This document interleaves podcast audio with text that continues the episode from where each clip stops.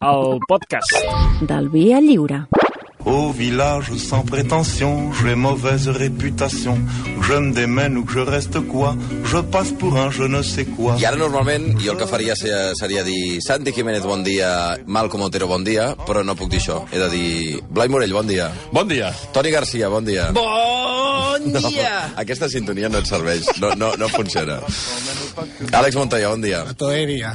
Eh? Otoedia. Otoedia. Ot- Otoedia. Bon dia. Perdona, esteu a punt de fer uns exagrables? Home, estem a punt de fer els execrables. Després, després d'aquests execrables ja ningú més voldrà fer execrables. Fins i tot Santi i Malcom trucaran després i diran mira, Xavier, ho deixem. Xavier. Però llavors, perdona, jo a les 11 normalment us tenia perquè heu de fer les crítiques de cinema i tal. Llavors que... Aquesta serà, la que, ve, la que ve després serà la pitjor secció de cinema de la història. Simplement perquè no està amb nosaltres. Quin drama. Bé, doncs vosaltres em direu que... que... Doncs mira, si vols, avui parlarem d'un personatge que va ser glorificat Però sí durant... com si ho féssiu habitualment. Sí, sí, sí, sí, sí. Ah, molt bé. Durant Otoe de temps, però que tenia tenia més perill que Mateu Laoz a un Madrid-Barça.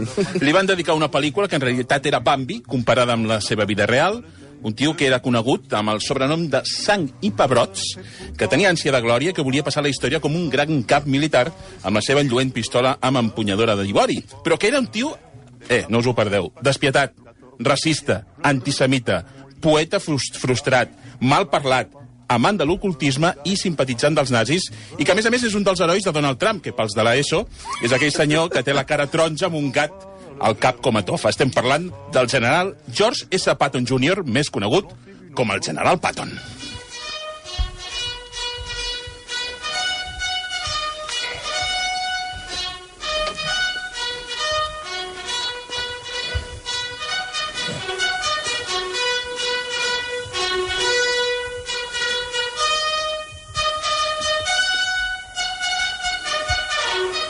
Aquesta trompeta, quanta estona d'estar Ah, sonant no, la és el trompeta? trompetista que estava allà i un que no respecte, parava. eh? És un trompetista militar i té que, té que fer a les seves hores. No és com el pobre Peter Sellers a la Guateque, que el disparaven. No, Està fent el aquest- solo de guitarra.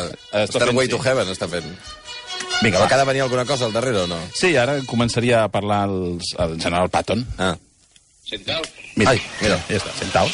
ah centaus, ha dit. Sentaos. A veure, és el doblador, eh? Sí, clar, no és... No, no, ho dic perquè per És el aclarir que Patton, diuen, "Aquests original." falsos catalans. A veure. Una guerra muriendo por su patria. La ganó Hosti, quin silenci és fals, senyor Patton, eh? haciendo que otros pobres, estúpidos bastardos murieran por ella. Quina frase. Quin caràcter, eh? Muchachos, Aquest és l'inici del cèlebre discurs que apareix al començament de Patton. És una de les pel·lis fa favorites, precisament, del senyor de la, de la tofa, de, la cosa... Trump. Sí, de, la, cara- de la cara taronja. Eh, això de ser militar a Patton li venia de família. El seu avi va ser comandant d'infanteria a la Guerra Civil Americana i va morir a la batalla de Cedar Creek el 1864, això l'avi, i el pare va voler fer carrera militar, però es va fer advocat per guanyar-se la vida. I va ser llavors quan li va dir al seu fill algún día, hijo mío, todo aquello que baña la luz será tuyo. No, no, no, no, no li va dir això, no, és broma. En realitat li va dir, sigues el soldat que jo no vaig poder ser. I en realitat el que passa és que el petit George era un estudiant mediocre, una mica com Jaimito, i de fet no va aprendre a llegir i a escriure fins als 12 anys. Però, tot i això, es va matricular a la Virginia Military Institute, que és on havia anat el pare, potser per endoll, i un any més tard va entrar a West Point. Però allà va trigar 5 anys a llicenciar-se, o sigui que era el clàssic repetidor, eh, una mica el xulito, que anava... es feia el xulito davant els companys, encara que anés suspenent totes les assignatures. Perdona, això no és Quarto Milenio? Sí, és que al general li agradava Otoe, l'ocultisme. li agradava la Ouija, li agradava el tarot, li agradaven els llibres d'espiritisme, d'espiritisme, li agradava tot això. Sí o no? Sí, sí. Només li fal... Bé, la qüestió és que aquest senyor, a part de, de tot això, eh, ell creia en la reencarnació. Ah, sí? I creia que era, entre altres coses, un general cartaginès, Aníbal, eh, un legionari romà, un, un, Però ho creia. Ho creia, ho creia. Creia que totes aquestes personalitats estaven dintre seu. Era com Carlos Jesús. Exactament. mica. Exacte, Micaé... També un comandant de camp de Napoleó, en fi, es va quedar sense dir només Curro Jiménez i el capitán Trueno. Però tots els altres figures militars hi eren a dins seu. Eh, era un senyor, en fi, que estava una mica boig. I si no s'hagués pogut guanyar la vida com a militar, sempre hagués pogut ser una espècie de Sandro Rey, eh, però de tres estrelles. A més, aquest tio, el Patton, era un tio solitari que no suportava els, els esports d'equip. Una mica li aniria bé jugar al Madrid, perquè allà l'equip, no, allà això mateix. cadascú fa la seva guerra. I què feia, llavors? Doncs aquest tio feia esgrima, muntava Ah, bueno. a cavall i corria. Eh? Esports que, per cert, formen part del pentatló, prova olímpica en què va participar als Jocs Olímpics Ah, d'Estocolm. el tio va anar als Jocs Olímpics, Sí, sí, sí, eh? va participar, eh, i va quedar cinquè. Va quedar cinquè, però a la prova de tir va fallar. Uh, Com a la de tir? La de tir, precisament no era la de tir. no era militar, soldat el tio. I va fallar. I, doncs, uh, si no hagués fallat, segurament hauria tret medalla. O sigui, que el general Patton podria haver estat un medallista És olímpic. mítica la mala hòstia que li va agafar al fallar. Sí, sí, sembla ser quan va arribar al vestuari va fer una mica uh, rotllo Risto Stoikov eh? Rebentant. que va rebentar tot el vestuari.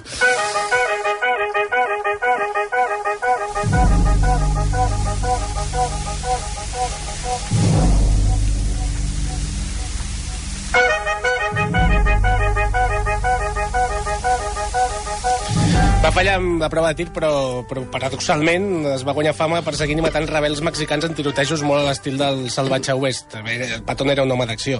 I quan va arribar la Primera Guerra Mundial va veure la primera oportunitat d'experimentar allò de- d'estar al front de la batalla.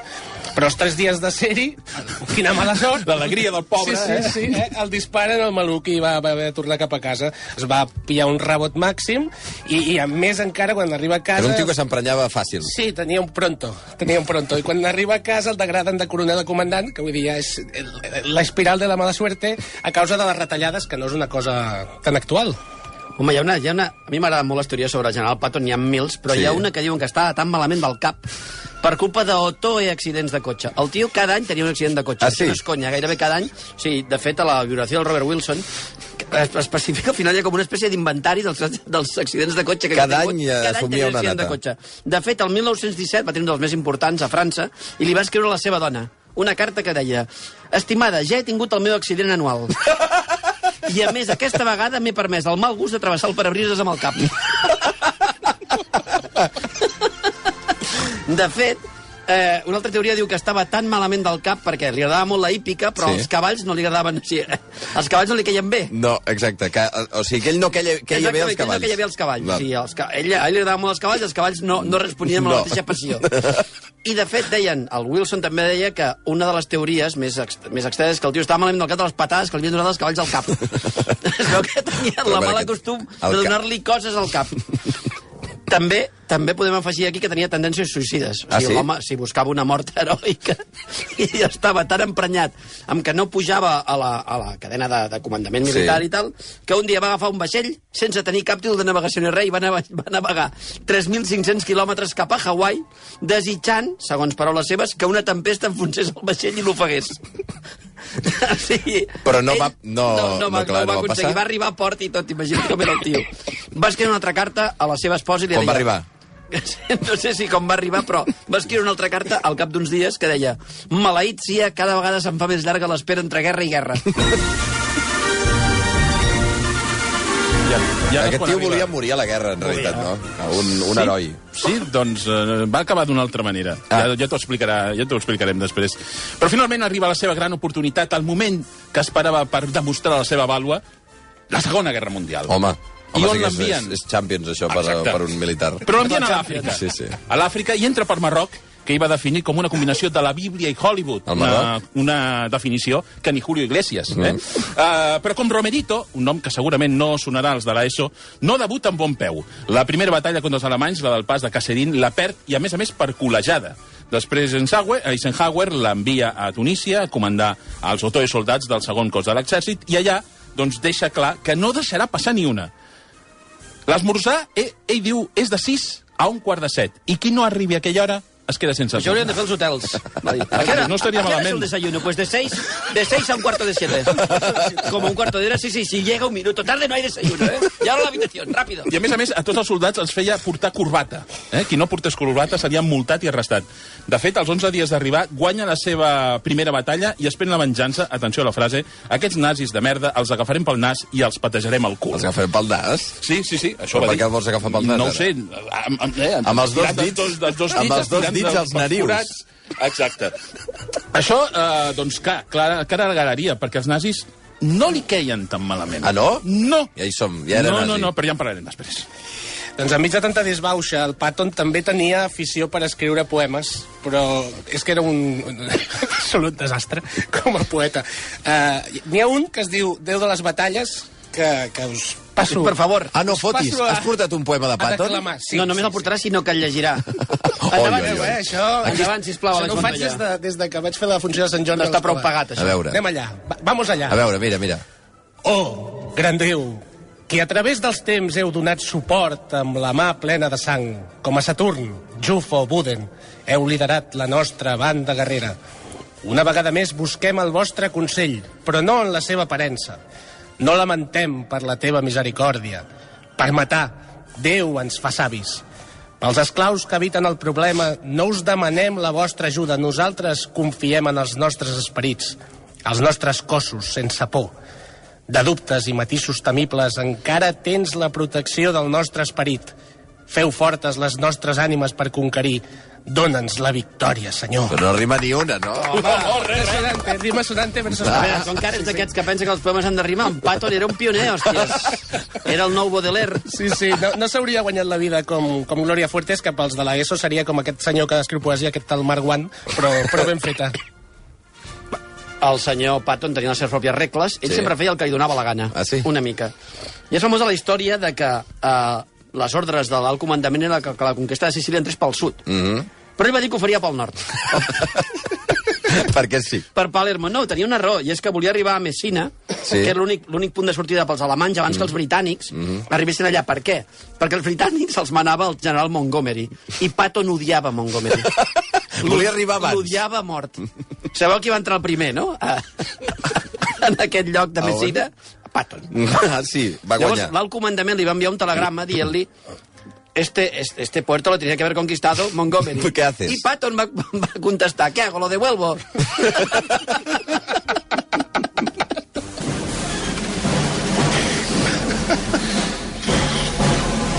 Que anava patint ferides, diguem-ne. Sí, sí, bueno, ell, més que ell, els seus soldats. Això I quan també. els soldats els ferien, ell els hi donava medalles. Mm -hmm. Tu t'han ferit en, en combat, medalla per tu. Vinga. En canvi, eh, aquells que estaven cansats, que no tenien ferides físiques, però potser sí psicològiques, per ells eh, eren covards. Mm -hmm. I atenció als dos, als dos incidents que, que explicarem. El primer el va tenir amb un soldat que quan va veure que no tenia cap ferida visible, A, un- a un, que, que va anar a un hospital, diguem. sí, a un hospital, a una visita a un D'aquests de hospital de campanya. campanya, exactament, va I va veure'n seus- un, que estava allà al, Estava allà al llit. pobre, mig plorant. Ai, ai. i va agafar els seus guants i va fer... Amb el dir, És no, molt... es pot, ser- no es pot néixer tan covard o tan serassa. El va fer perquè, aixecar... no, perquè no tenia cap ferida. No, no, clar, Eh, el clar. pobre estava allà, doncs, cansat, estava, doncs, allò, la, fa la fatiga de guerra, i el va fer aixecar, el va engegar al final de l'habitació, i quan anava el tio corrent cap allà, li va fotre una cosa al cul que el va tirar a Era terra. una mica com Camacho i Pacheta, no? Sí, un... un pacheta, Pacheta. pacheta. I el segon, just un dia després, en un altre hospital, va a, a, bufa, a, a bufetejar, perdó, aquest, aquesta vegada sí, directament amb la mà oberta. Amb mà si fos, amb la mà auto oberta. eh? O té obert així, rotllo Bat Spencer, i el va amenaçar també amb una pistola. El personal dels hospitals va informar dels incidents a Eisenhower, que li va fotre una bronca que encara recorda, i li va demanar que es disculpés amb ells. Ho va fer, però en el seu diari va escriure aquesta frase. Vaig fer el que es mereixien. Aquests dos incidents van provocar que no participés a la campanya de França i el van enviar a Londres. El van I- castigar? Sí, bueno, el van castigar. El van fer... Més aviat era, era com un esquer per despistar els alemans dels plans que tenien pel desembarcament de Normandia. Ah, bé. Això amb ell no li feia molta gràcia perquè ell era feliç al front, com el Messi al camp. Però, però finalment, un mes després del dia D, sí que l'envien a Europa amb el tercer exèrcit per tal d'obrir camí. I allà va fer el que ara en diríem tràfic d'influències i prevaricació. Explico la història. Eh, ell havia de- d'engegar l'assalt de Hamelburg i resulta que el seu gendre, John Waters, que és un senyor que no té res, aquest, aquest gendre no té res a veure amb el director de cine, aquell que feia pel·lícules amb la Divine, li feia menjar caques de gos, recordeu? John Doncs Waters. Res a veure. No era John Waters el director. No, era era que John hagués sigut Waters. una bona història, eh? Mi cunyado era Patton. Mi suegro era Patton. Perdona, mi suegro era Patton. Doncs aquest John Waters estava, estava tancat, portava dos anys podrint-se a camps de presoners alemanys. I Mm. els informes dels serveis d'intel·ligència indicaven que, que estava a prop de Hamelsburg, que era aquest, aquest lloc on aquest assalt que havia de fer, de fer Patton. Aleshores, com estava a prop, va decidir que seria una bona idea muntar un, un grup, un grup de amigos, 12 del patíbulo, i va triar un comando reduït per alliberar el seu gendre. La cosa va acabar fatal. Eren pocs, el pla, el pla de Patton estava, estava mal dissenyat, ell pensava que guanyarien de xorra, però no, i els supervivents de l'atac van ser capturats. I a més a més també volia anar a la campanya del Pacífic per acumular més mèrits, però el van calar. Eh? Primer no el van enviar no el van enviar a França i després doncs, no el van enviar al Pacífic. I què van fer? Doncs, mira, saps què? T'enviarem a, a fer l'administració de la postguerra a Europa. I allà és on se li va veure el llautó, perquè ja trobarem el Patton racista. Per començar, odiava els soviètics. De fet, odiava tots els pobles eslaus i deia que els comunistes eren els fills asilvestrats de Gengis Khan. Eh? Després tampoc li tenia gaire apreci als àrabs. Va dir que eren una barreja de totes les males races de la Terra. D'entrada, no li agraden els soviètics? Els àrabs, No li agraden els àrabs? No, i ara, Però- Però... ve, ara ve la gran, o sigui, la gran mania que tenia Patton algú era els jueus. No suportava els jueus, els odiava a mort. De fet, el seu diari els definia com aquesta gent que caga i pixa per tot arreu. Això és la o no? definició del general Patton dels Quan ho escrivia el, el seu diari. El seu diari, exactament. Eh, de fet, Eisenhower el va destituir del càrrec de governador després que digués que els jueus eren una subraça. Això mentre visitaven un camp de refugiats jueus Oi, oi, oi, no. i que estava preparant davant dels jueus, ho va dir, un nou camp de concentració per ells perquè estiguin més còmodes. No, hosti, no fotis. Un altre exemple. El 1944 va anar a una cerimònia religiosa a Alemanya que va tenir lloc poques hores, poques hores després de, de alliberar un camp de concentració que havia alliberat ell mateix. I va dir, aquests juets feien tanta pudor que tres hores després de sortir d'allà vaig vomitar l'esmorzar només recordar l'olor. Ai, per favor. Sí, el tio tenia molta tela. Eisenhower volia que Patton li conquistés les cases als, als alemanys, eh? confiscar, confiscar les cases als alemanys adinerats perquè les ocupessin els supervivents jueus. L'ordre va amargar Patton. Els desplaçats fills de puta floreixen com arbres verds, li va escriure un amic. El president Truman va començar a rebre informes bastant xungos sobre el que estava fent a Baviera. Llavors, Eisenhower, Eisenhower va viatjar des de Frankfurt per acompanyar Patton en una visita als campaments de refugiats jueus. I el que va descobrir era que els guàrdies d'aquells assentaments Sí. eren de les SS. Com que eren de les Eren de les SS? SS que Patton els havia reciclat perquè deia que eren molt bons guardians. No, no fotis. Sí. Perdona, els dels camps de refugiats. Correcte. I va posar tios de les SS. Tios de les SS. Durant el recorregut, Patton va comentar que les instal·lacions havien estat netejades abans de l'arribada dels jueus perquè havien estat orinant i defecant per totes bandes. Sempre està igual. Sempre, sempre tenia una mania amb això de les necessitats fisiològiques. Eisenhower li van dir a Patton, a Patton que callés, no? que es callés una miqueta, perquè estava ja liant una mica tot el que seria part de... I el tio va dir que el, pup- el, que agafaria el poble que hi havia al costat, un Sí. poblet alemany, i el convertiria en un altre camp de concentració per algun d'aquests jueus malalts. Però, però quina mania tenia el tio. No, no, o sigui, era, això era és la postguerra, eh? Això és postguerra. Sí, quan això és s'ha acabat la Segona Guerra Mundial i i ja... ja- el fan, el fan governador d'una part d'Alemanya. Segons Patton, els jueus, els, tot això són paraules de Patton, eh? Mm. literals, els jueus desplaçats eren llagostes, inferiors als animals, perduts de tota l'essència, i també eren una espècie subhumana sense cap dels refinaments culturals i socials dels nostres temps. Això ho deia el seu diari. Un assistent del que després seria les Nacions Unides va tractar d'explicar-li que aquesta gent estaven traumatitzats. I que, clar, que havien passat, les havien passat canutes a Home, la guerra. Mm. I Patton li va respondre, personalment ho dubto. Mai he vist a un grup de persones tan faltes d'intel·ligència i d'esperit.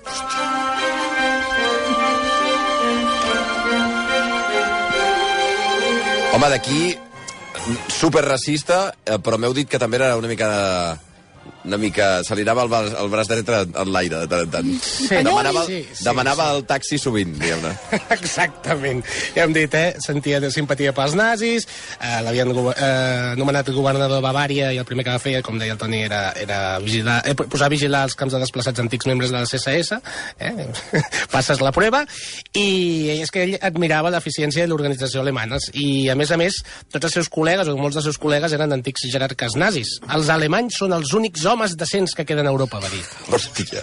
Després de guanyar-nos a la guerra. Així era, l'amic Patton. Molt bé. Um, va tenir guerra, va, va tenir ganes de guerra fins al final, fins al final. Abans de morir, estava obsessionat amb començar una guerra amb els russos. Però pesat. Què passa? Aquest senyor No, només... però si ell Però ja escolta, Toni, no havies d'explicar la història Sí, aquella sí. de connexió alemanya, eh, acabo- catalana? Hi ha una connexió catalana. Com? De Patton. Sí, sí, sí. Ara te l'explico. Pat, Patton està relacionat amb Catalunya? Ara te l'explico. Uh, abans de morir estava obsessionat. O sigui, ell volia començar una guerra amb els russos, mm. ja que eren el gran enemic. Perquè, clar, abans... Un cop has guanyat la Segona Guerra Mundial, ja recorda, que, recorda que, que abans hem dit que li va enviar una carta a la seva dona dient cada dia trobo més llarga l'espera entre Sí. guerra i guerra. Home. Ja havia passat molt de temps. Ja feia quatre setmanes que s'havia acabat la guerra i ell volia una altra guerra perquè ell era, o sigui, ell no tenia res més a fer que anar, anar a guerres, perquè els Jocs Olímpics no se li donaven bé, l'espiritisme tampoc acabava de funcionar, jo el que li agradava les guerres. Total, que el gran, el, el, el comandament aliat va intervenir les seves, les seves comunicacions i van descobrir que ja estava tramant com començar una tercera guerra mundial amb els russos. De forma que, eh, bé, el van, una, el van rellevar. Van dir, escolti'm, senyor Patton, vostè ja cap a casa, eh? agafi el barco si vol una altra vegada, vagi a Hawaii una altra vegada, a veure si hi ha sort i s'esfonsa. Però va tenir una parada cardíaca, sembla, insuficiència cardíaca, i, i va morir, mm. al desembre de 1945. D'un atac de cor? Fins aquí, la versió oficial. Ah, què Hi dius? ha una altra versió de Robert Wilson, que mencionava abans, que és l'historiador militar que més ha estudiat Patton, que va estar una dècada estudiant les, les circumstàncies de la mort del, del general Patton. I resulta que ell va, ell va descobrir, o almenys això és el que diu el seu llibre, que està molt ben documentat, que no, que no va morir d'aquesta manera, Patton. A Patton, un franctirador li va volar el clatell. Aquesta és la, la versió no oficial del tema. A on? Ah, pues, uh, fa, pues, No, no, no, vull dir, a on el van, el, el, el van enganxar un frantirador? No, no se sap. No, pues, ell va tenir un accident de jeep, crec Sí. que a França, una altra vegada, i li van... Li van o sigui, eh, era un accident de, de jeep uh, staged, eh, mm. això, pues, muntat de, de manera que semblés real, Sí. però la realitat és que el, el senyor aquest des d'un quilòmetre li va fotre un tret al clatell. Perquè va haver-hi un general, el que en aquell moment, no me'n recordo com es deia el general, li deien Wild Bill, el general, imagina't, eh, el salvaje Bill, que va dir que no, que no es podia ja confiar en ell perquè havia perdut el cap i que aquest tio portaria als Estats Units una altra guerra que no desitjaven en aquell moment. Llavors, aquesta és la teoria. D'acord? El franctirador que després va dir que sí que havia disparat a Patton, Ah, va reconèixer? ho va reconèixer en un altre llibre, és Doug- Douglas Bazzata. Douglas Bazzata és un tio mític perquè després de la guerra es va convertir en un dandy. Era un tio que se li donava molt bé pintar, era un tio amb, amb gran... O sigui, que, que tenia una gran doble de relacions públiques... Sí. En fi, El rei de les festes. exactament. I era molt amic de Dalí, Oh! que el va pintar en un dels seus quadres caracteritzat com el Quixot. Vols dir que aquí... No? Dalí. Que, vull dir que... I l'assassí. Dalí, Dalí i l'assassí de Patton eren molt amics. Lit. Sempre Dalí. Sempre ha Dalí un sempre ha d'estar, amb el bigoti allà posat a les 10 i quart. Per cert, missatge de Santi Jiménez des de la distància. Um, és molt estrany veure això, diu, grans execrables a l'altura. No era difícil, diu, també, eh, de, de totes formes. Uh, on és Santi Jiménez? On és Malcom Otero? Ah, ah. Les 11 i un minut. Um, anava a dir pantalleros, però us diré execrables. Moltíssimes gràcies. A tu. A tu. Tout le monde viendra me voir pendu, sauf les aveugles, bien entendu.